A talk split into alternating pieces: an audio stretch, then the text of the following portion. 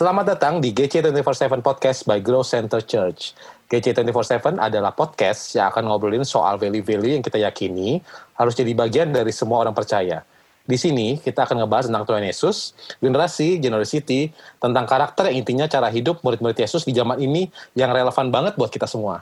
Nah, senang banget di episode kali ini um, kita akan ngebahas sesuatu yang mungkin relate ke beberapa orang, tapi yang kita pengen tahu adalah um, lebih banyak soal cerita soal satu orang ini. Tapi sebelum kita panggil narasumber, um, gue senang banget mau ngenalin um, salah satu uh, well handal kita. Uh, waduh. Mungkin, waduh tuh udah ada suaranya langsung.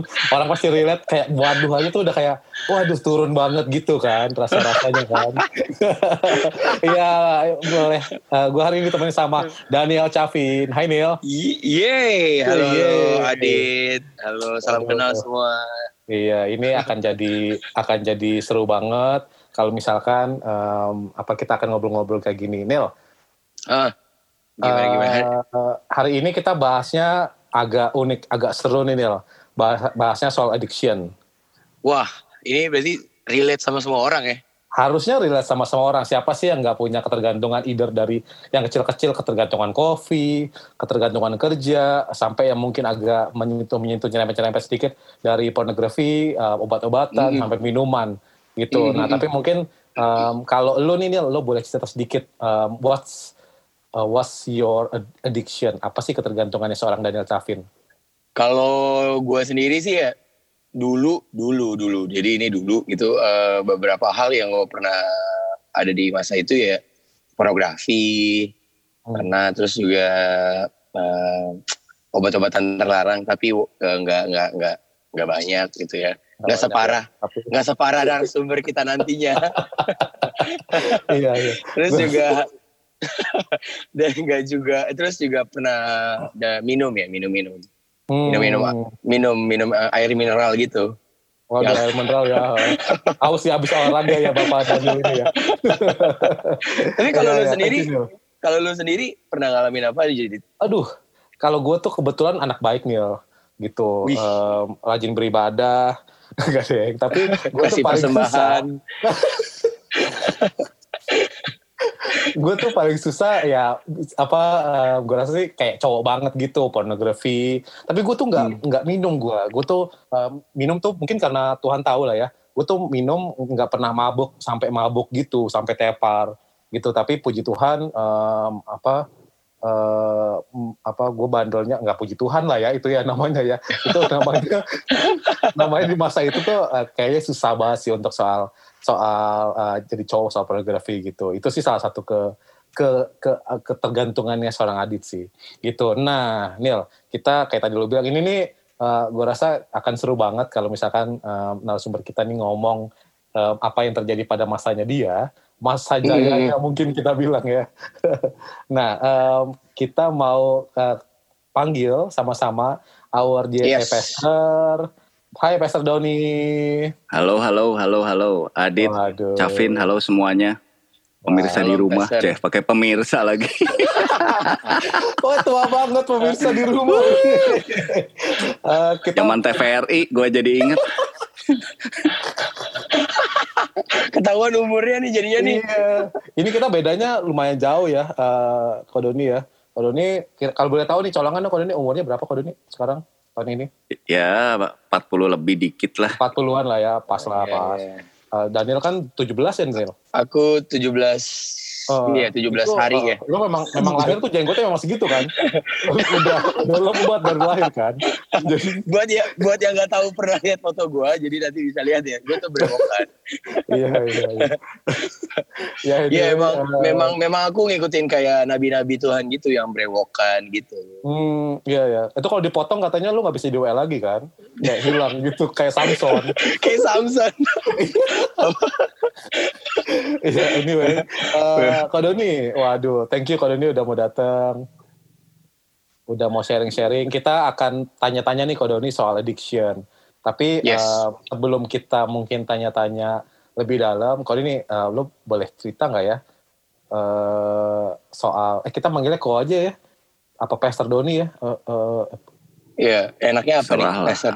Ya udah. Apa aja boleh, aja lah ya. boleh, peser boleh lah. Oh ya boleh. Kok pesta Doni? Waduh, agak ribet ya. Semuanya. Agak ribet. anyway, uh, uh, Kak Doni, boleh nggak cerita-cerita um, waktu itu apa sih yang terjadi sama hidupnya Kak Doni? Gitu. Jadi semua orang bisa relate mungkin um, um, pada masa itu. Ya sebenarnya sih gue nggak bengal-bengal banget sih. Di, cuman sedikit lah seperti pada umumnya anak-anak. ya cuman apa ya? Ya kecanduan narkoba, terus juga ya agak bengal-bengal dikit lah ya. Hidup dalam free sex, terus apa ya? Judi, terus juga pergaulan bebas, terus ya rada-rada melakukan sedikit kejahatan lah gitu. Hmm uh, kalau misalkan biar orang mungkin lebih ke apa ya lebih ke ke mengerti. Waktu itu uh, apa uh, kalau ngeliat fotonya dulu kan kita kan berapa kali ngeliat fotonya Kodoni zaman dulu eh. Kayaknya tuh kurus hmm. uh, uh, apa kayak kayak gangster-gangster gimana gitu kan. Rambut kalau nggak salah nggak sependek sekarang ya Kodoni Iya, panjang ya. Gondrong ya. Iya, dulu masih zaman zamannya uh, kakak itu loh, kakak saudara Andi Lau kan. Oh iya. masih belah-belah tengah itu loh. Oh iya, iya. benar juga ya, belah tengah keren gitu ya. Iya. Nah, iya. Nah, kan, Kak Doni biar ya, orang pada masanya. Biar orang relate nih Kak Doni. Um, uh, waktu itu uh, Kak Doni apa? Kuliah? Uh, kerja, udah mulai kerja kah atau? Oke, jadi uh, sebenarnya sih gue bengal nih dari SMA sih Dit. Aduh. Gitu. Jadi dari SMA itu uh, udah kerjanya tuh ke night club gitu ya. Terus uh, mulai sih biasa sih kalau orang narkoba tuh biasanya nggak dari narkoba lah ya, dari minum-minum, hmm. terus uh, gele gitu kan. Terus mulai naik, naik, naik, biasalah sampai akhirnya ya uh, apa namanya tuh mulai kecanduan narkoba gitu. Tapi ya hmm. dari SMA sih gue biasanya udah ini ya dari SMA tuh udah eh, nggak uh, bener sih. Jadi kalau orang lain sekolah malam itu gue itu diskotik gitu ya. Dan uh, biasanya tuh ya kalau dalam satu semester sih gue bolos tuh bisa 40 hari, 50 hari gitu. Ah? Karena kerjanya ke diskotik gitu. Dan uh, biasanya kalau di sekolah gua tuh kan 10 hari itu maksimal bolos. Jadi biasanya gua 9 hari bolos, hari ke-10 masuk gitu. Ntar bolos lagi gitu. Dan ya pernah kejadian lucu sih waktu itu. sekolah gua tuh kan di ya di Bandung ya. E, gua itu pernah gua kelupaan gitu waktu itu tuh. Jadi gue nginep di hotel sebelah sekolah gue. Jadi subuh-subuh pas gue keluar jam 7, teman-teman gue pada lewat gitu baru gue baru keluar dari hotel. Jadi ya ceritanya lucu-lucu kayak gitulah dit. Jadi hmm. uh, apa namanya? rada bengalnya seperti itu sih dan sebenarnya bukan cuma bengal juga sih ya, tapi uh, rada nyerempet-nyerempet kejahatan sih karena uh, gue SMA tapi teman-teman gue tuh umurnya udah 30, 40 gitu dan mereka tuh bandar-bandar judi, dekolektor oh. dan kayak kayak gitu gitu. Oh. Jadi ya puji Tuhan sih Dit, meskipun gue bolos terus, gue sih selalu naik kelas Dit. Wah, wow, ini kenapa bisa yeah. naik kok? Kenapa? Uh, karena uh, gue jago nyontek sih.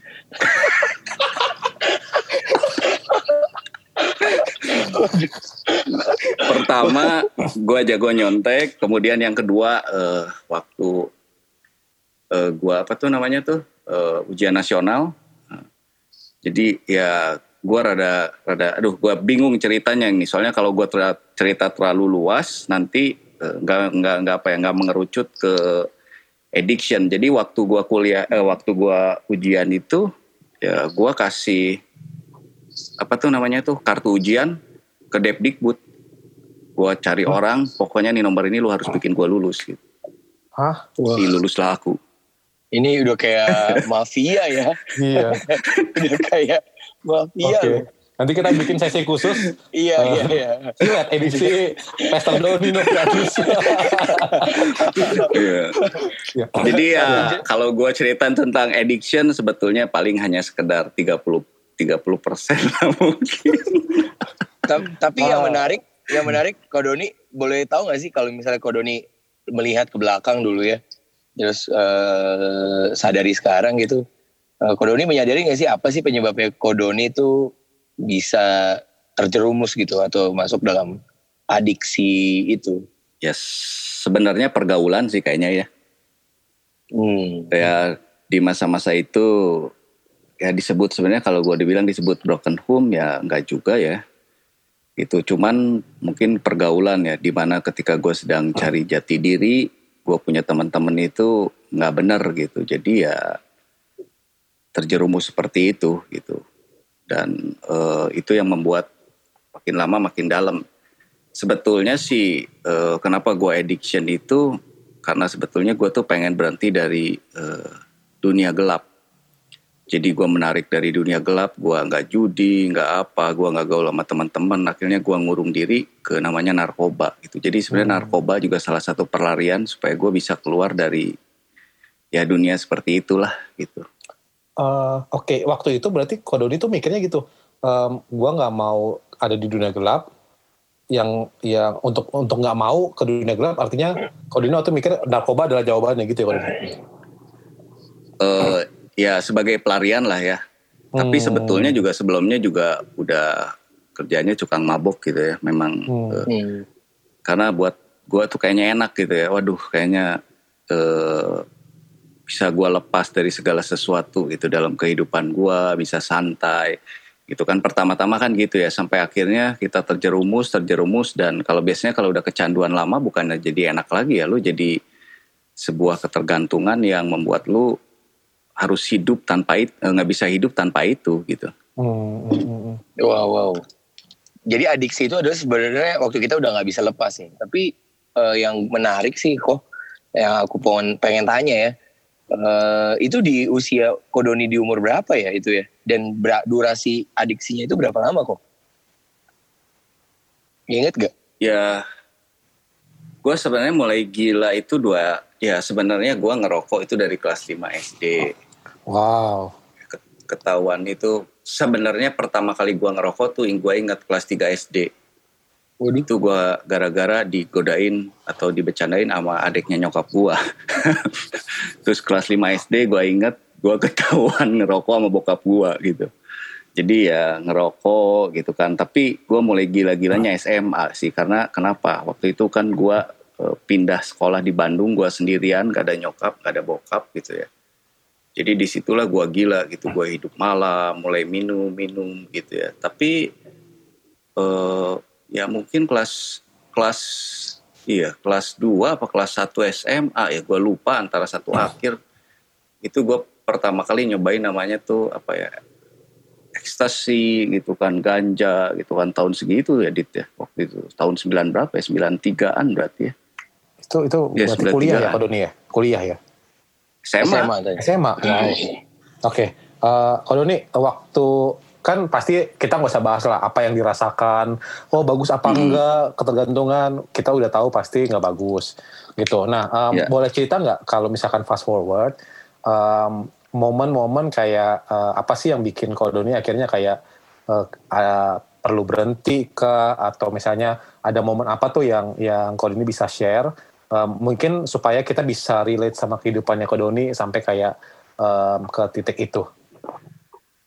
Oke, eh, jadi sebenarnya sih guys, eh, gua itu gak pengen berhenti, tapi yang Hmm. membuat gua pengen berhenti adalah gini.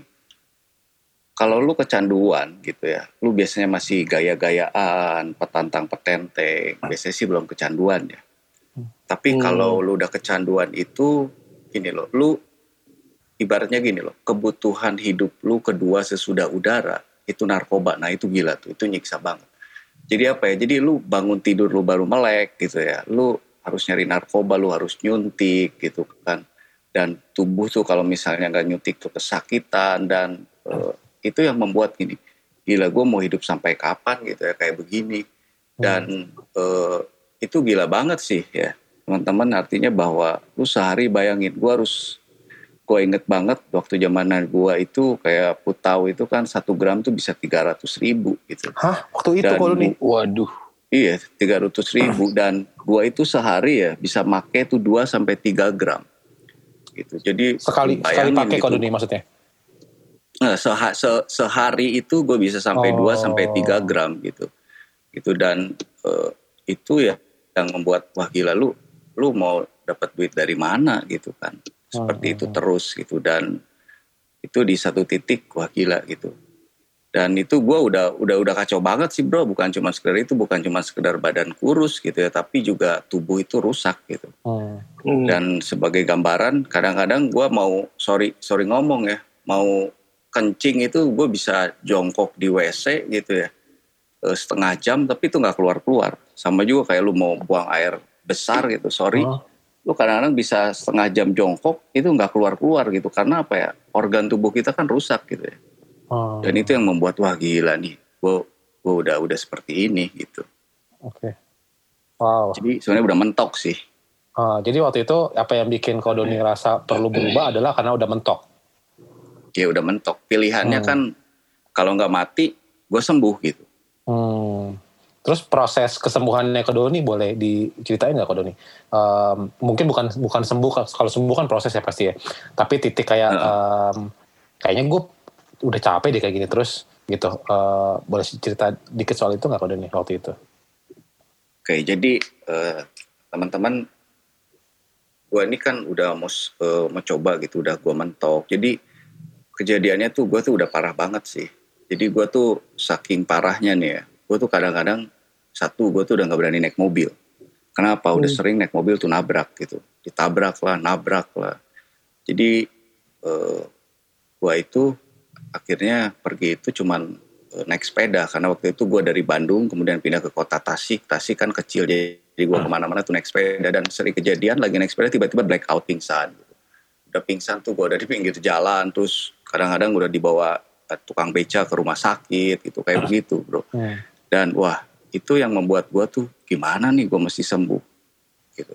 Nah akhirnya gue coba berbagai cara gitu ya. Pertama memang niat di, niat nih dari gua gua pengen sembuh tapi gua nggak bisa. Dan gua hmm. coba berbagai cara dari cara medis gua ke dokter gitu. Gua ke dokter pribadi gue ada dokter gitu dikasih obat dan lain sebagainya nggak bisa sembuh. Gue coba cara-cara dokter nggak sembuh gue coba cara-cara yang nggak masuk akal gitu kan. Hmm. mandi kembang lah terus ah, minum obat Waduh. dari mana? Eh, serius? Gue gua gua udah keliling I'm sorry gue ngomongnya dari berbagai agama gitu gue cobain. Dari mandi hmm. kembang terus mandi jam 12 malam terus lu tahu tuh hu tuh kertas merah yang kayak di film-film zaman dulu pocong-pocong tuh yang ditempel di kepala tuh.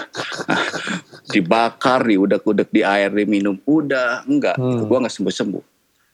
Akhirnya uh, gue inget gitu gue inget bahwa waktu kecil tuh gue pernah ke gereja Tuhan Yesus jadi gue itu akhirnya gini gue tuh datang sama nyokap bokap gue. Jadi kalian harus tahu bahwa keluarga gue itu keluarga yang bukan Kristen. Gitu. Hmm. Mereka adalah keluarga di luar Kristen dan mereka sangat benci orang Kristen. Dan hmm. akhirnya jadi gini, kondisinya tuh teman-teman papi mami saya itu tahu keadaan saya. Bokap nyokap gue itu udah udah bofat sama gue. Dia cuma ngomong gini, pokoknya dia bilang, lu mau ngapain di depan gue terserah.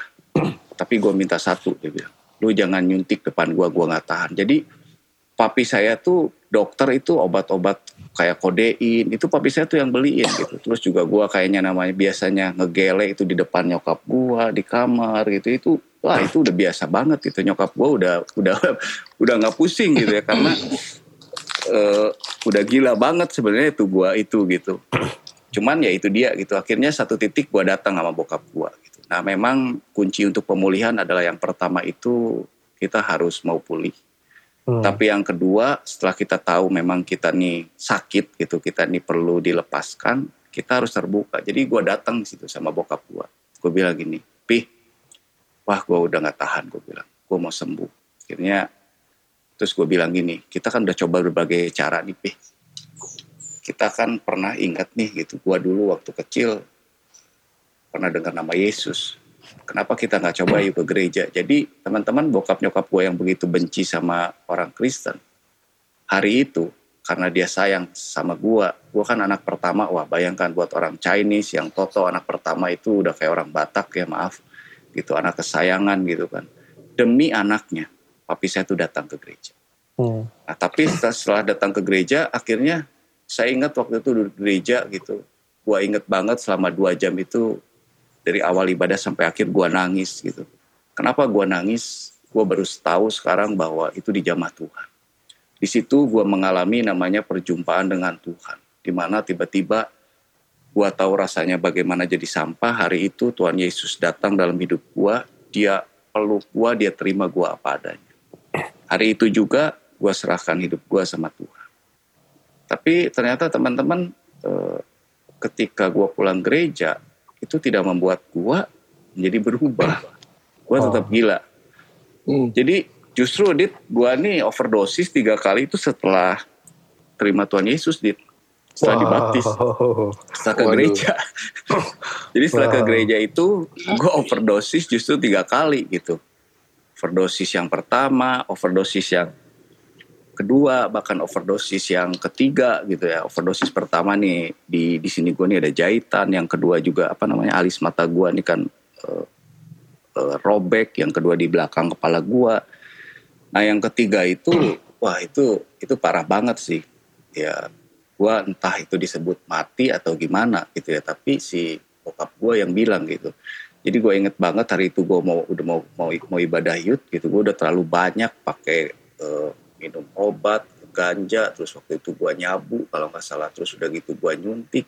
Jadi biasa waktu ya, eh, hari Sabtu kalau nggak salah tuh mau ibadah yud gua kayaknya waktu itu nyuntik terlalu banyak. Di titik itu overdosis gitu. Bokap gua tuh kan mau ibadah kok ini nggak keluar keluar dia nyariin gua gitu. Hmm. itu dia ketokin pintu kamar gua tapi nggak keluar keluar. Akhirnya kan di kamar gue di atasnya ada kaca tuh. Dia lihat dari atas wah gue dengan suntikan masih di tangan katanya gitu hmm. uh, apa? Gue udah terjelembab gitu. Uh, tubuh gue tuh biru gitu. Dan buka gue pecahin kaca dia buka pintunya dia masuk. Nah posisinya begini. Dari awal gue terima Tuhan Yesus gitu ya. Nah sampai gue overdosis itu itu waktunya tuh lama itu. Mungkin sekitar ya sekitar setahun setengah gitu dan selama setahun setengah itu bokap gua itu karena benci orang Kristen dia tuh bilang gini, mana Tuhan Yesus tuh bohong katanya. Tuhan Yesus tuh apaan? Anak gua udah ke gereja katanya. Mana bukannya sembuh makin parah. Yesus itu wah dia menghujat Tuhan Yesus. Hmm. Tapi detik itu ketika dia lihat gua tubuh biru gitu dia udah buka pintu tuh. Gua inget banget ini ini bokap gua sih yang cerita. Dia lari ke telepon, dia telepon. Gua kan ada satu dokter pribadi tuh masih hidup sekarang dokternya dibilang dok datang dok datang nih anak saya overdosis. Dokternya bilang udahlah pak mau diapain lagi? Gitu kan. Kasarnya udah aja relain. Ya dokternya nggak mau datang akhirnya bokap gue balik ke kamar bokap gue yang cerita dia bilang akhirnya bokap gue sama nyokap gue dia dia bilang dia gandengan tangan dia berlutut. Dia bilang gini Tuhan Yesus kalau Tuhan Yesus ini benar Tuhan kembaliin anak saya Wow. Supaya saya wow. lihat bahwa Yesus itu Tuhan. Dan 30 menit kemudian mereka yang cerita, gue tiba-tiba siuman. Gitu. Nah, jadi seperti itu bro. Dan pertanyaannya pas setelah gue overdosis yang terakhir itu gue bertobat, kagak bro, masih gila.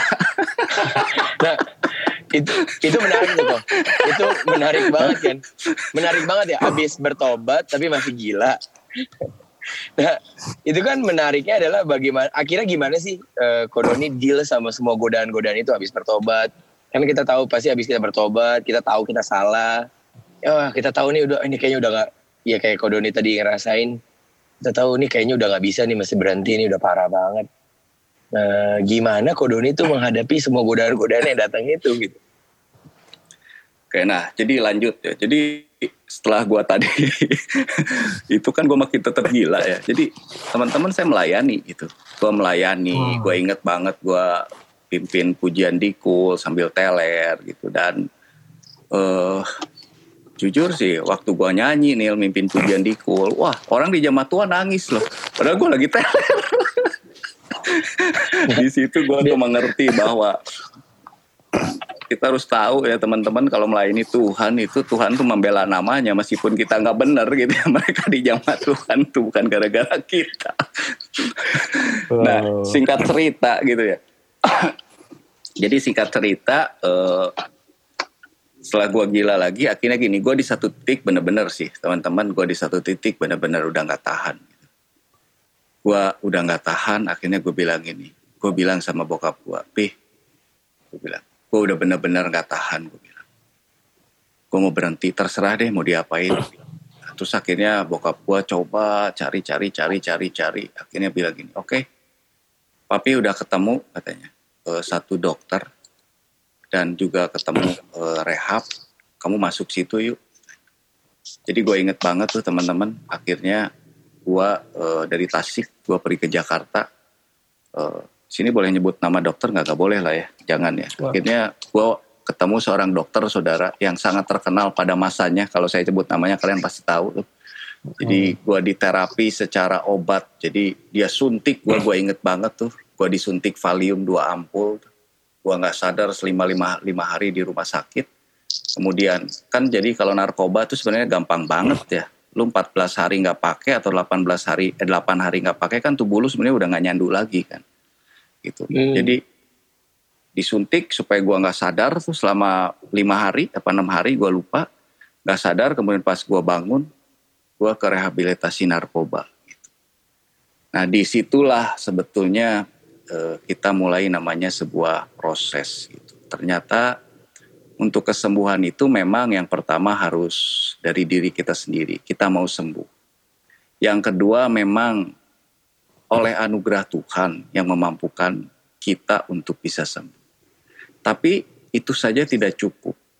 Untuk bisa sembuh juga apa? Kita perlu menjalani prosesnya. Wah, di situ gue maru nih bro, jalani prosesnya. Gue direhab gitu ya. Memang rehab itu bukan jaminan berhasil apa enggaknya karena banyak orang di rehab juga pada akhirnya keluar tambah gila.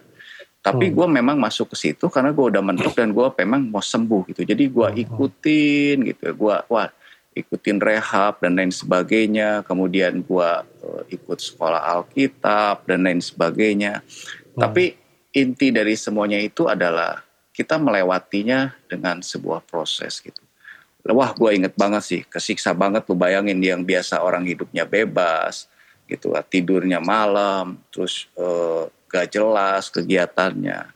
Di situ gue mulai apa ya mulai uh, ditata ulang hidup gue mulai men apa ya mendesain ulang hidup gue dari hal-hal yang kecil.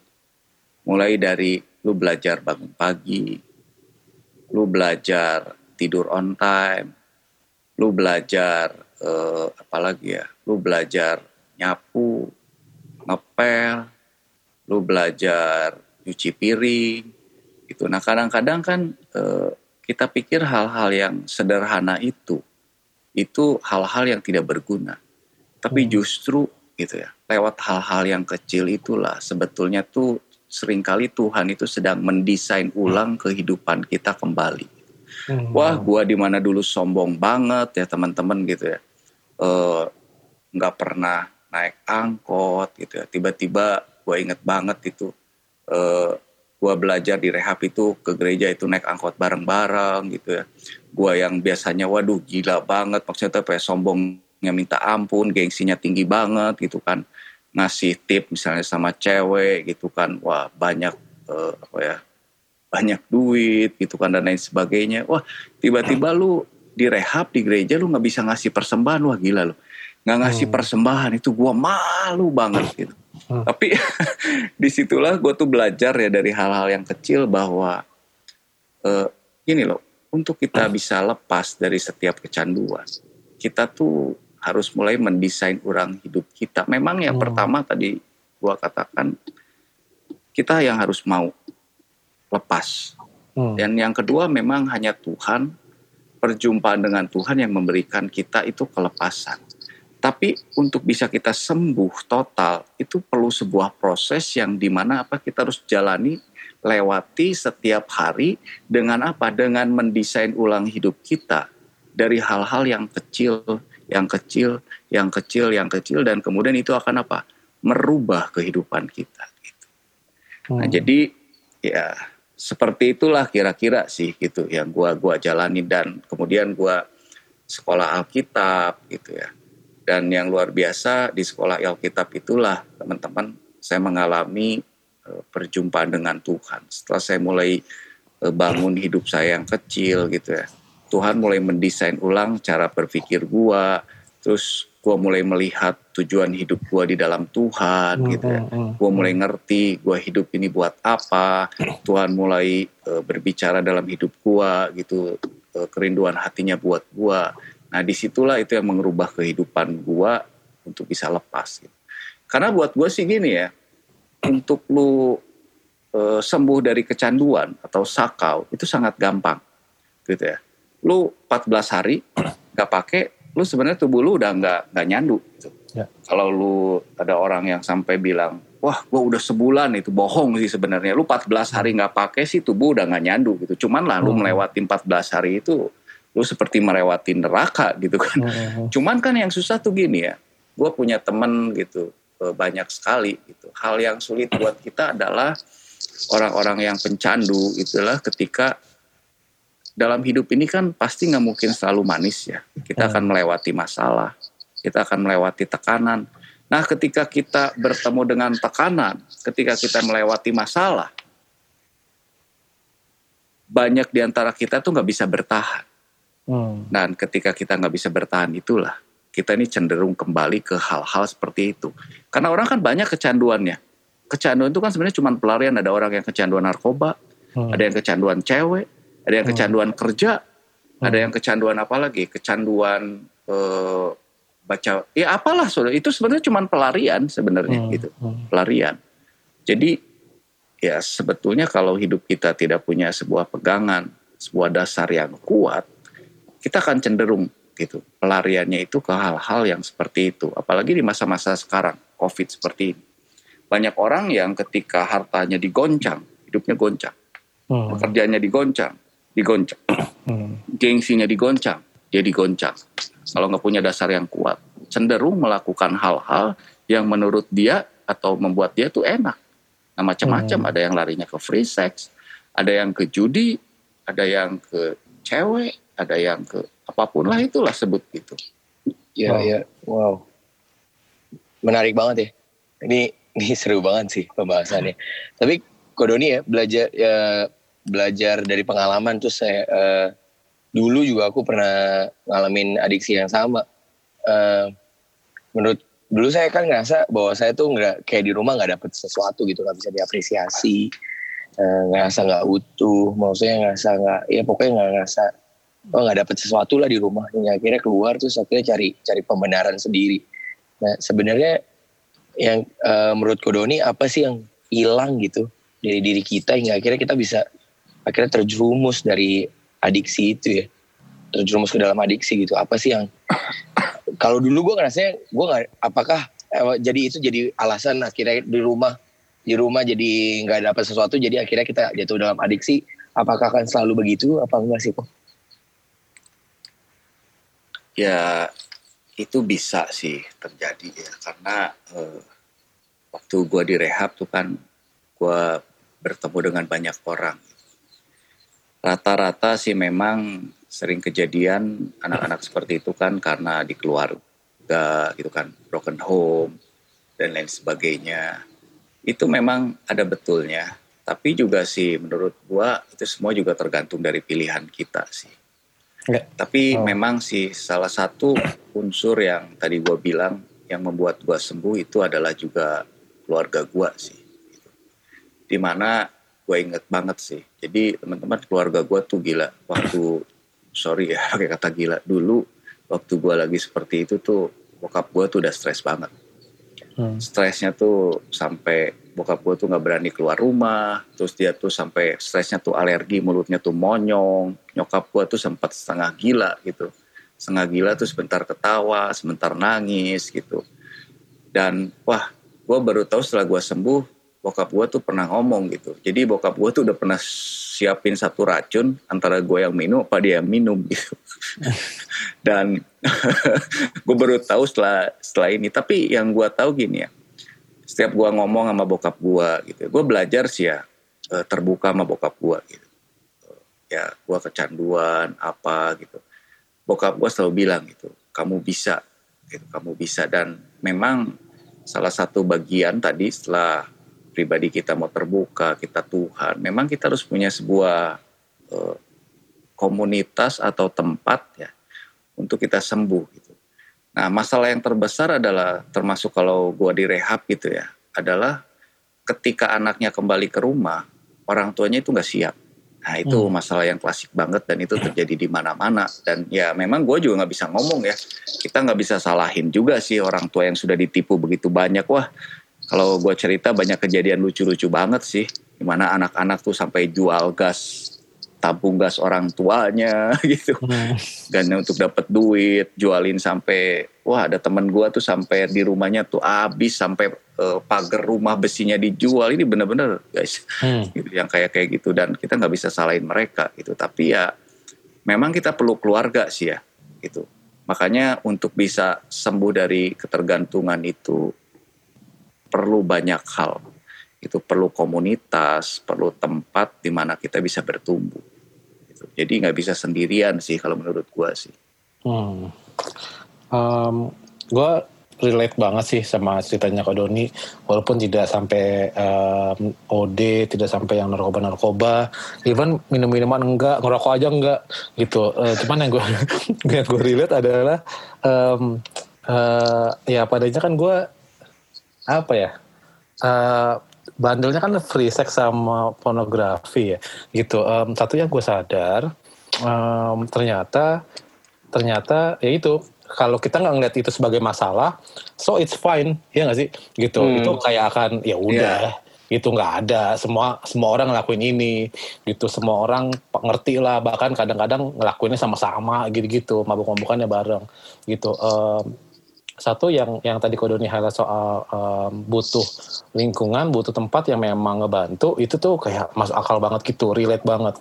Karena pada akhir pada akhirnya um, yang pertama sih aku lihat kalau dari cerita Kodoni adalah kalau misalnya aku sum up ya gitu. Tadi um, apa kalau kita nggak ngelihat kalau Kodoni nggak dengan sadar kayak wah gue udah nggak bisa di sini lagi nih gitu. Nggak ngelihat itu jadi salah pasti nggak ada keputusan untuk berubah gitu. Jadi um, harus memang harus ada dulu tuh uh, apa muncul satu niat uh, yang berangkat dari kayak ini salah nih ada yang salah sama diri gue sampai gue nggak bisa lepas gitu. Yang kedua adalah uh, pasti karena anugerah Tuhan juga. Kalau nggak pasti susah ya gitu uh, melepasinnya. Yeah. Tapi yang tadi gue lumayan relate adalah uh, yang gue lihat juga tuh soal disiplin gitu ya ke dunia. Itu hal, hal kecil yang memang kalau kita mungkin apa ya kita mungkin ngelihat sekarang kayaknya tuh ngapain sih gue ngelakuin itu? Ngapain sih? Dulu kalau dulu aku tuh kayak oke okay, nggak ada internet internet sama sekali gitu. Close. Yeah. untuk karena tau lah gitu ya paling gampang di situ oke okay, nggak ada internet internetan hmm. tidur cepet pokoknya tutup semua semua pintu untuk kita bisa ke arah sana. Gitu um, terus eh, hal-hal yang yang yang aku lihat itu lebih banyak ngomongin soal um, apa memberi kesempatan gitu men mencobai diri kita gitu-gitu. Nah, Kodoni waktu kalau dari sisi Kodoni nih um, um, gimana ya? Saat kita ngejalanin proses mendisiplinkan diri gitu. Uh, kalau Kodoni apa yang waktu itu Kodoni lakuin? Uh, mindset apa yang Kodoni apa jalanin sehingga um, semua prosesnya itu dijalani dengan penuh sukacita walaupun mungkin bonyok ya mungkin walaupun kayak rasanya kayak tadi Kodini bilang kayak neraka tapi apa sih yang bikin Kodini tetap jalanin itu oke menurut gua sih ya hal yang paling sulit dalam hidup ini adalah terima kenyataan hmm. jadi hal yang pertama itu adalah gue tuh terima kenyataan bahwa gue ini jangkis hmm. gue terima kenyataan bahwa gue ini sampah. Hmm. Tapi setelah gue terima kenyataan, gue tidak diam saja terpuruk terima itu. Oke, okay, gue memang hidup gue kacau seperti ini. Tapi kemudian gue ngerti gini, Tuhan sudah menebus hidup gue, Tuhan pasti sanggup merubah hidup gue. Jadi dari situ, dit, gue mencoba menata ulang kehidupan gue. Gitu. Tujuannya apa? Tujuannya satu sih, karena dari situ gue kemudian mengerti bahwa, eh, Tuhan itu menciptakan gua itu dengan sesuatu yang berharga nih. Itu Tuhan itu mem, apa ya menciptakan gua untuk satu tujuan. Di situlah yang menjadi sebuah drive dalam hati gua, dalam hidup gua di mana gua belajar menjalanin gitu dit. dari hari ke hari, dari hari ke hari gitu. Karena wah kenyataannya sih itu memang gak gampang sih ya. Gua gua cerita nih segini kan kelihatannya mudah, tapi kenyataannya tuh wah teman-teman. Itu jatuh bangun banget gitu. Uh, saya nih pernah sekolah musik di Pruskoneo, gua nih kabur gitu ya. Dan uh, ya kalau kalian tanya gitu uh, murid pertama yang loncat pagar ya itulah saya gitu. Di Pruskoneo kabur bukan sekali dua kali gitu. Udah kabur hari ini dit. Terus besok kan balik nih gua inget banget tuh sama Pak Weliar tuh. Waduh kalau ketemu sekarang kepala samanya Pak Andi gitu. Sampai Pak Andi itu bukan Andi Cokro gitu bukan gembala kita. Dia bilang Pak Weliar sampai ngomong Pak Andi ini anak kayak begini lu terima katanya. Udah udah gue balik ya. Hari ini kabur kan besok balik hmm, ya. hmm. heh besok balik besoknya kabur lagi gua gitu. Dan ya, wah itu itu jatuh banget teman-teman. Di rehab juga gua nggak uh, di juga uh, nggak nggak nggak nggak mulus lah ya di mana jatuh bangun gitu kan. Di di rehab tuh nggak boleh ngerokok gua tetap ngerokok cariin puntung rokok gua dilinting lagi pakai alkitab. Wah udah udah, udah macem-macem. Itu gua ngalamin lah gua kalau cerita tuh lucu-lucu banget lah teman-teman kalian gak bakal nyangka banyak cerita banget yang lucu dan gila dan waduh kalau saya jadi tuan udah dipencet nih. Tapi saya mau bilang gini sih teman-teman. Saya selalu saya selalu percaya gini, kalau kita punya niat gitu ya. Masa sih Tuhan gak tolong? Oh. Wow. Ya, jadi ya gue sih harus gini lah, gue harus beri kesaksian sama kalian lah teman-teman semua yang dengar hari ini. Saya nih, uh, saya tahu nih saya ini sampah dan gue nih tahu gue nih bukan orang pinter lah ya. Gue nih bukan orang pinter gue nih bukan orang hebat gitu ya. Dan gara-gara narkoba itu gue tahu sih otak gue tuh rusak gitu. Tapi saya mau bilang gini uh, saya tuh percaya dengan namanya mujizat gitu. jadi setelah gue setelah gua itu tuh setelah gue sembuh tuh dit dari rumah sakit gue tuh dicek sih seluruh badan. Hmm yang luar biasa itu ya setelah berapa lama dicek tuh gue sih sembuh gitu di satu hmm. yang paling gue takutin kan HIV hmm. satu ternyata gue nggak HIV otak hmm. gue normal wah Tuhan tuh bikin mujizat gitu tubuh gue gue nih hepatitis hmm. liver gitu Tuhan hmm. juga sembuhkan wah ceritanya banyak banget tapi yang luar biasa gini sih gue tuh dari dulu nggak pernah belajar serius hmm. dan waktu gue sekolah Alkitab wah gila sih itu uh, bayangin ya hari ini guru ngajar nih di depan. Besok gue lupa loh gila. Yang diajarin gue lupa. Gue tuh nggak inget. Kemarin guru nih ngajar apa? Dan lu bayangin gue selama SMA tuh kan tukang balik subuh. Hmm. jadi lu kalau tanya teman-teman gue kalau ada teman-teman gue hari ini yang denger mereka pasti ketawa. Gue kerjaan tuh di kelas tuh apa? Tidur di tidur di bener-bener gue tuh di kelas tuh tidur bener-bener tidur kayak begini. Dan wah itu guru tuh udah bofat lah sama gua terserah lu mau apa kek gitu. Ya pokoknya lu diam aja lah lebih baik nggak mengganggu gitu. Dan hmm. itu gua nggak pernah belajar gitu. Dan waktu sekolah Alkitab tuh wah gila gua tuh nangis tuh tiap hari sama Tuhan. Nangis tuh gini gua gua bilang aduh Tuhan saya ini kan mau belajar gua ini mau belajar Tuhan. Gimana gua mau belajar dong? Hari ini diajarin guru besok gua lupa hari ini belajar besok lupa. Ntar gue khotbah gue melayani Tuhan gue mau nyampein apa? Gue lupa nah jadi jadi teman-teman di situ gue tuh tiap hari tuh gue nangis di hadapan Tuhan benar gue tuh nangis gue tuh puasa gue tuh berlutut di hadapan Tuhan. Jadi apa? Gue tuh belajar gitu. Gue tuh belajar apa? Gue tuh yang dulu tukang nyontek gitu ya. Gue tuh yang dulu tuh wah lu lu lu, lu pada pasti ketawa lah. Mungkin anak-anak sekarang udah gak nyaman. Gue tuh sampai punya dukun pribadi dit jadi kalau ujian, kalau ujian ya, ya. Eh, serius nih. Jadi agak, agak aneh ya. Jadi uh, dulu dulu eh dulu inget gak zaman kita tuh ada bolpen bolpen Stadler. Kan yang yeah. cuman diganti kan isinya. Iya. Yeah. si bolpennya itu dikasih ke dukunnya di jampi-jampi. Jadi gua nggak pernah ganti bolpennya, dia gue cuma ganti isinya. Dukunnya bilang gini, pokoknya kalau lu ujian, lu terserah lu mau jawab yang mana aja lu bebas nanti bolpen ini yang menuntun kan. Waduh. Gila, gila. Aduh, gua waktu itu ketawa. Tapi beneran, ini gua serius nih. Gua serius gitu. Jadi gua tiap ulangan tuh gua nggak pernah belajar. Pokoknya gua asal jawab aja. Oret, oret, oret, oret, oret. Makanya gua naik kelas plus. Aduh, lu pada kan pasti ketawa kan. Tapi ya itulah kenyataannya kebodohan gua. Jadi, tapi yang lucu gini, waktu gua sekolah Alkitab itu, gua nangis, gua belajar gue di situ gue belajar ya. Gue belajar tuh gue coba catat lagi. Tiap mau mau ujian tuh gue catat. Gue tulis nih gue tulis ulang tulis ulang tulis ulang tulis ulang. Tapi yang luar biasa gini. Lu bisa nanya istri gue lah. Gue di akhir semester itu uh, di akhir sih ya semester akhir. Gue sering kesaksian ini. Kenapa? Gue kesaksian bukan sombong. Supaya sekarang anak-anak muda dengar berapapun buruknya hidup kita, Tuhan tuh sanggup berubah. Eh, gue lagi jalan. Gue kan tinggal waktu itu di Bintaro, kampusnya di Kayu Putih.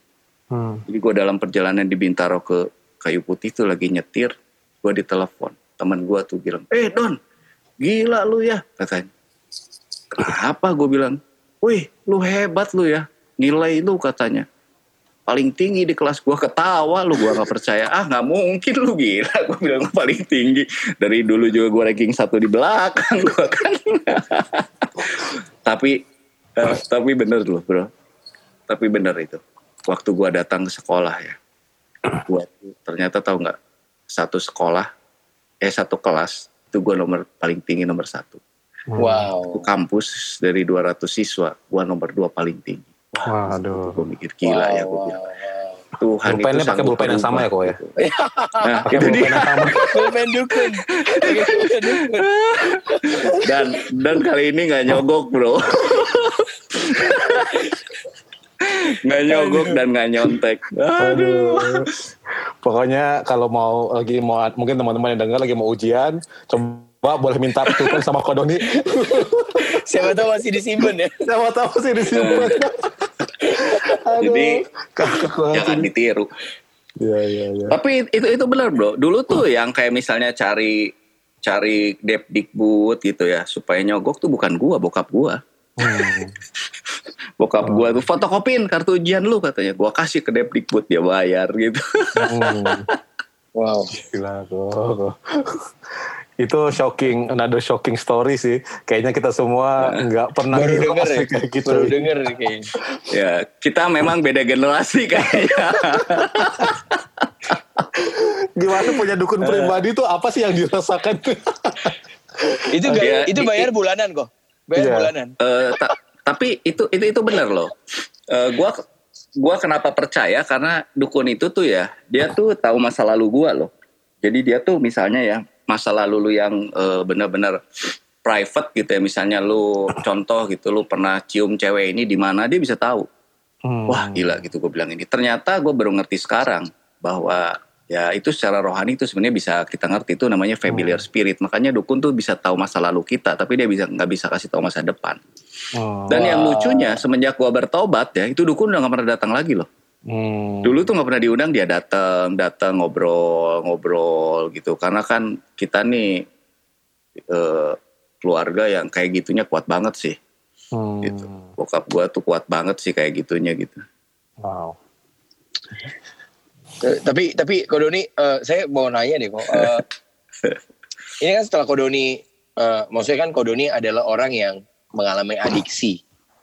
Uh, dan aku tiba-tiba kepikiran sih, uh, dari sisi orang yang dari sisi orang yang mengalami adiksi melihat orang-orang yang tidak mengalami adiksi atau orang-orang yang mungkin kalau ini waktu itu case-nya adalah uh, adiksi di narkoba ya. Terus, tapi dari sisi orang yang mengalami adiksi itu butuh komunitas yang kayak mana sih kok? Mungkin kalau teman-teman nanti dengar uh, di kapan pun ya waktu podcast ini rilis gitu, uh, kita sebagai orang-orang yang kita sebagai orang-orang yang gak ngalamin adiksi itu kita harus bagaimana sih bagaimana sih menghadapi orang yang adiksi atau uh, atau orang yang adiksi itu butuh komunitas yang kayak mana sih kok? Ya, jadi eh, selain yang pertama memang harus keluarga ya. Kita harus sama-sama dengan keluarga dipulihkan bersama-sama. Tapi eh, yang membuat gue berubah itu sih, Neil, eh, akhirnya gue ketemu satu tempat sih. Jadi gue agak kaget ini. Ketika semua menolak gue, gue ketemu satu tempat yaitu gereja. Dia terima gue. Hmm. Nah di situ Wah gila sih, gue sih kalau lu ketemu skala gembalanya masih ada sih. Lu bisa tanya gimana gue tuh ikut kom tuh sambil teler, sambil wah meler-meler gitu. Tapi mereka tetap terima gitu. Dan dan yang penting gini sih, uh, kalau saya ya, kalau gue pribadi gitu, semenjak gue putuskan untuk uh, berubah, jujur sih, sorry ya, gue mungkin bukan sombong sih, tapi gue uh, nggak pernah kontak lagi sama oh. teman-teman gue yang lama sih. Gitu karena kenapa? Karena gini kita kadang-kadang kan merasa jagoan ya. Wah gue udah bertobat sedikit pengen nolong. Tapi oh. pertanyaannya apakah kita sudah kuat apa enggak oh. gitu? Kalau lu lihat orang kejebur lu belum kuat ngangkat ya lu jangan eh, masuk ke situ gitu. Jangan tolong orang gitu. Lu bukannya yeah, mau yeah. nolong lu kejebur yeah. balik. Hmm. dan itu yang gue putuskan. Jadi kayak sorry gitu ya kalau ada teman-teman gue sekarang denger juga teman-teman gue banyak yang nikah tuh gue nggak datang bahkan saudara gue menikah juga gue tuh nggak datang karena apa? Waktu itu gue bener-bener uh, gue di titik gue masih belum bisa gitu. Gue masih belum kuat untuk seperti itu gitu dan ya kenyataannya sekarang yang terjadi adalah 10 dari teman gue sih 8 sih udah meninggal ya. Hmm. gitu dan bahkan teman dekat gue gitu dia udah pelayanan gue bayangin penuh kudus wah dia hmm. masih bisa ketangkep uh, masih di uh, ketangkap di Malaysia dan uh, maaf saya harus katakan gitu ya dihukum mati dan saya nggak tahu gua nggak tahu sekarang gimana kelanjutannya dia satu juga hmm. meninggal tiba-tiba misterius nggak ngerti gitu hmm. ya kita harus berani putus sih ya hmm. kita harus berani putus dengan komunitas yang lama kita merubah menemukan ke komunitas yang baru yang hmm. buat kita berbeda sih gitu Hmm. Kalau okay. seperti itu sih. Wow, bagus banget kalau nih. Um, di mungkin um, setelah kita jalan prosesnya ya mau nggak mau, mungkin tadi apa yang apa yang kayak mungkin kalau Doni sama Daniel juga tadi sempat sharing adalah um, gimana kita tuh um, tahu gitu kita tuh sembuh tuh buat apa gitu kali itu yang bikin drive kita ya kita itu yang bikin kita kayak yeah. bertahan kali ya. Betul. Uh -uh. betul. Nah, um, kalau kalau kode ini nih, aduh, um, aku tuh pengen nanya banyak, cuman um, kayaknya kita sisa beberapa pertanyaan lagi nih kode ini. Nah, kode ini kalau hmm. misalkan sekarang mungkin dulu dulu udah sembuh, eh apa udah sempat sembuh, udah udah udah akhirnya bener-bener udah lepas sama sekali. nah, um, pasti kan kode ini juga akan sering menemukan banyak orang yang terjebak di uh, adik, adik adiksi itu sendiri gitu. Um, um, Sebenarnya kalau kita ngelihat dari sisi situ, Kodoni um, apa sih yang Kodoni lakuin gitu yang yang mungkin um, Kodoni ngerasa ini ngebantu orang ini lepas dari uh, adiksinya gitu. Jadi saat saat mungkin kita punya teman-teman, kita tahu kita harus ngapain. Kita ngelihat bahkan mungkin kalau dulu gimana ya perasaannya teman-teman gerejanya Kodoni tiba-tiba lagi ada ada orang datang lagi teler gitu. iya gitu. iya nah, itu itu tuh itu tuh mungkin mungkin kalau sekarang mungkin nggak teler secara ini tapi orang tuh udah udah apa ya bahasanya nggak tahu uh, gimana dia lepas gitu. Apa yang Kodoni akan sampaikan gitu? Ya yang pasti sih kita harus belajar terima sih ya Hmm. Itu hal yang pertama adalah uh, yang mengubah kehidupan orang itu adalah kita harus belajar terima sih. Hmm. Memang itu satu hal yang tidak mudah gitu ya. Bahwa kita terima orang-orang yang rusak, orang-orang yang seperti itu gitu. Ya apalah yang disebut ya, tapi itu itu memang bukan hal yang mudah saya tahu. Tapi memang kita harus belajar sih menerima orang gitu. Hmm memang untuk terima orang itu tidak gampang karena pada dasarnya kita tidak bisa terima orang lain dengan mudah. Tapi yang saya tahu adalah bahwa ketika kita menerima kasih Tuhan, maka kita juga akan belajar mengasihi orang seperti Tuhan memandang orang oh. itu. Gitu. Dan itu yang penting sih ya, karena e, ketika orang itu diterima, itu memang untuk berubahnya itu perlu proses dan kalau mau jujur eh, kita tidak akan bisa jamin sih ya orang yang diterima itu berubah gitu. Hmm. Tetapi Hmm. saya akan selalu belajar sih ya untuk menerima orang apa pun untuk berubah meskipun orang itu gagal gitu. Hmm. Karena eh, saya selalu lihat gini, kita tuh nggak akan pernah tahu orang yang ada di depan kita itu eh, akan Tuhan jadikan seperti apa. Oh. Gitu. Siapa yang bisa menyangka orang seperti sampah seperti saya hari ini bisa dirubahkan Tuhan gitu. Hmm. Ya dan eh, semua orang juga tidak nyangka gitu. Tapi di situlah gitu kita tuh harus bagaimana belajar untuk melihat orang bukan Hmm. dari kacamatanya kita, tapi kita melihat orang dari sudut pandangnya Tuhan. Karena Hmm. ketika Tuhan melihat pribadi kita, itu Tuhan itu melihat penuh. Artinya apa? Tuhan tuh tidak pernah melihat kita tuh hanya di awalnya saja, tapi Tuhan tuh sudah tahu akhir kehidupan kita. Nah, oleh karena itu kita perlu Tuhan dan Roh Kudus sih untuk Hmm. kita bisa melihat bagaimana kehidupan orang melebihi kacamata jasmani yang bisa kita lihat gitu. Waduh. Wow, wow. Wah, itu sih bagus banget sih. Eh, Itu ya, thank you banget Kak Doni. Ya, thank you banget. Em, apa itu aku pikir udah penutup yang bagus banget. Gitu, thank you udah open sama kita. Thank you udah terbuka em, dengan apa yang Tuhan udah lakukan sama seasonnya Kak Doni. Em, aku pikir saat kita mungkin mungkin sedikit summary-in aja. Mungkin saat Ya. kita mau coba membayangkan em, kita bisa atau enggak sih lepas dari adiksi kita apa pun itu jawabannya selalu bisa ya Kak Doni ya gitu. Ya, selalu ya, bisa betul, asal kita selalu mau bisa. kita hmm, kita ngelihat kalau itu adalah masalah yang kita mau lepas gitu. Kita punya niat untuk sembuh dan apa em, kita mulai coba minta bantuan ke orang lain dan eh, mulai terbuka. Karena aku suka banget gitu se kehidupannya Kodoni gitu ya. Em, keluarganya support banget gitu ya beliin semuanya. Bahkan obat-obatannya berarti support banget kan gitu. Adiksinya Kodoni tad- tad- tadi gua lupa, bahkan inget gua nih waktu terakhir dit gua mau ke Jakarta itu waktu gue bilang pih gua udah nggak sanggup, gua mau masuk rumah sakit eh, dan rehab gitu. Ini cerita nih teman-teman mesti dengar gitu.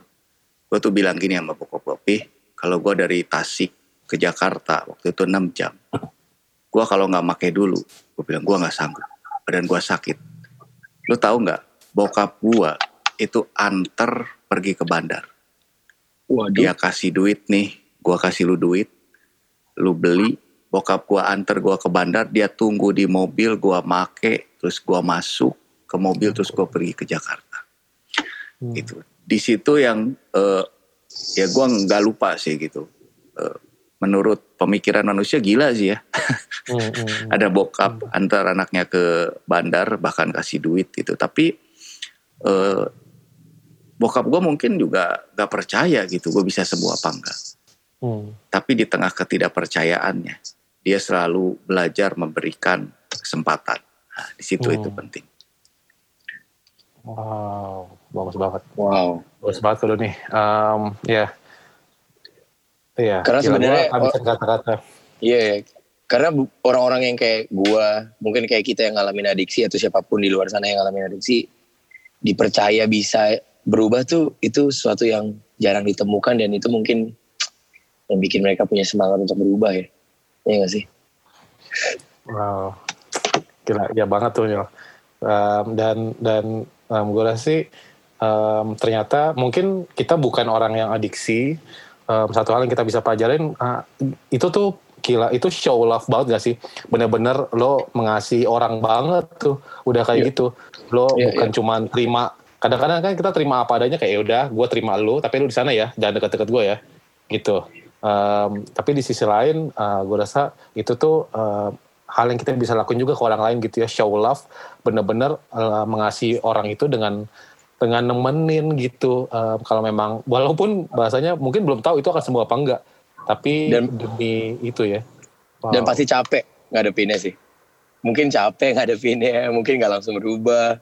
Mungkin akhirnya Iya, kayak betul Wah. kebayang gak sih ya misalnya butuh proses berapa lama terus capek ngadepin terus kita ya udahlah terserah lu lah lu mau berubah apa enggak gitu Tapi oh. apa yang kita pelajari hari ini sih nunjukin bahwa ya kita harusnya kasih kepercayaan mereka terus dan percaya hmm, dan hmm, hmm. tunjukin kasih itu dan menerima mereka dan akhirnya kita bisa bantu mereka untuk keluar dari adiksi itu ya. Iya, begitu Dan ya sih. memang bayar harga sih. Mungkin juga teman-teman nggak tahu bahwa dari gua bertobat sampai sembuh tuh kurang lebih tiga tahun lebih. Hmm. Dan salah satu selain bokap gua tadi ya eh, hal yang membuat gue sembuh tuh nyokap gua. Jadi nyokap gua itu eh, dia bayar harga. Dia bilang gini, eh, dia puasa. Jadi teman-teman yang dengar hari ini, mungkin ada ibu-ibu juga yang dengar doa seorang ibu luar biasa. Dia puasa, dia bilang gini, gue gak akan berhenti puasa sampai anak gue sembuh. Jadi oh. nyokap gue tuh puasa sampai tiga tahun lebih itu. Itu yang uh, eh, gue tahu bahwa uh, ya kalau gue hari ini seperti ini ya karena ada orang-orang lain yang berdoa juga gitu. Bukan hmm. karena ya benar karena Tuhan, tapi ada orang-orang lain yang uh, kita nggak pernah tahu. Mereka hmm. bayar harga buat kita. Gitu. Iya, iya. Wow. Wow, bagus banget Kak Doni. Um, thank you banget Kak Doni atas waktunya, atas keterbukaannya. Banyak banget yang kita bisa pelajarin. Gue rasa sih hari ini ya, um, betapa uh, se, se, se, seterperangkap apa pun kita sama adiksi kita, yang kita pikir kita nggak berubah, bahkan um, kita ngerasa kayaknya um, uh, udah jadi udah jadi jati diri kita nggak sih kayak memang gue seorang seorang pengguna ini nggak akan bisa lepas gitu. Tapi gue rasa dengan kayak gini kita bisa belajar banget dari contoh ekstrimnya seorang um, Kodoni Novianus yang akhirnya benar-benar bisa lepas, nggak cuma akhirnya bisa lepas, um, tapi benar-benar bisa dipakai Tuhan sih sampai sekarang gitu. Aku nggak kebayang kalau jadi apa ya jadi saudaranya Kodoni gitu, keponakan Kodoni pasti udah mikir kayak udah ini orang pasti nggak akan bisa jadi apa-apa lah Ya nggak sih gitu. Yeah, penghakiman yeah, dari jauh, yeah, yeah. penghakiman dari jauh. Iya iya iya iya. Oh, eh, bukan gitu lagi, Dit. Uh, udah diusir-usir gua, Dit. iya kan, pasti kalau dia datang nih pasti mau minjem duit nih. Kalau gue tiba-tiba barang gue hilang nih kalau datang ke rumah nih. Iya, gitu-gitu gak sih? Nah, um, aku pikir itu pembelajaran yang lumayan um, kita aku aku sendiri um, dapetin dan aku bisa tarik kalau memang uh, we say that uh, we love um, that person orang yang memang um, tiba-tiba ada di tengah-tengah ada di sekeliling hidup kita mungkin dalam lingkungan dekat mungkin itu nggak kebetulan gitu mungkin um, sesimpel kayak uh, ada orang yang hanya menerima gitu dengan lapang dada yuk bahkan mungkin menunggu dengan sabar um, kalau orang ini bisa berubah gitu sih aku pikir itu tuh hal yang aku bisa tarik banget sih kalau menurut yeah. gimana ya? Iya yeah, uh, sekali lagi uh, itu yang tadi gue highlight banget dari apa yang kita pelajari sih. Benar-benar menerima.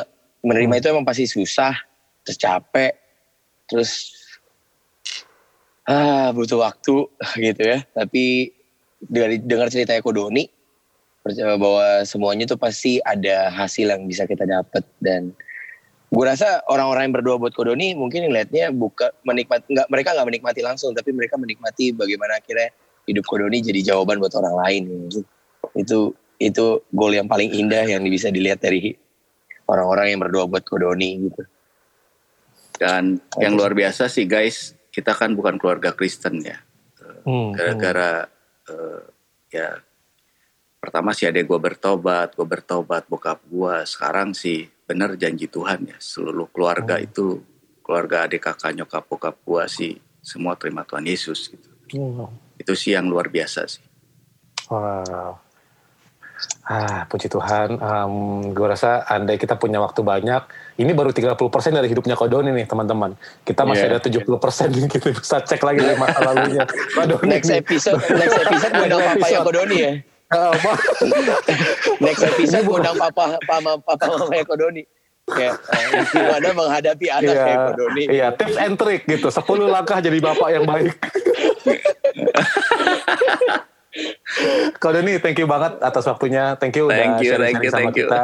Um, gue yakin banget sih ini akan jadi berkat buat banyak orang dan uh, ngucap syukur banget buat Doni ada di di GC dan sebagai dan udah gitu sebagai DNA pastor uh, benar-benar Uh, memang dari dari sebelum sebelumnya kehidupannya dekat dengan um, apa alam spiritual gitu ya jadi iya. kita jadi Jadi uh, ngucap syukur banget ada Kodoni di di GC sebagai part of our leadership.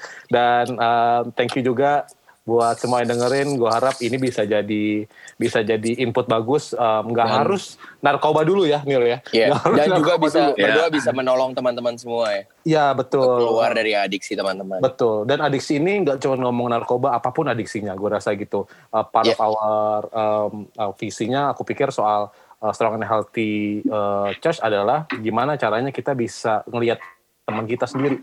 Atau mungkin kita yang lagi sakit um, we need to um, apa ask for help gitu supaya jangan sampai ya, apa ya sejago-jagonya kita pasti ada masanya kita ngerasa aduh enak banget nih kalau misalkan kayak gini nih. Um, lagi apa um, adiksi sama sama alkohol aduh enak banget nih minum nih. Nggak lama terus terusan minum terus gitu. Jadi um, kita thank you banget buat Kadena Kodoni senang banget buat ada di uh, sharing di podcast kita jadi buat teman-teman jangan lupa um, sampai ketemu lagi di podcast kita episode berikutnya um, tayang setiap hari Rabu. Uh, jadi sekian dari kita semua. Thank you semua. Bye. Bye. God bless you. Thank you. Bye. God bless you.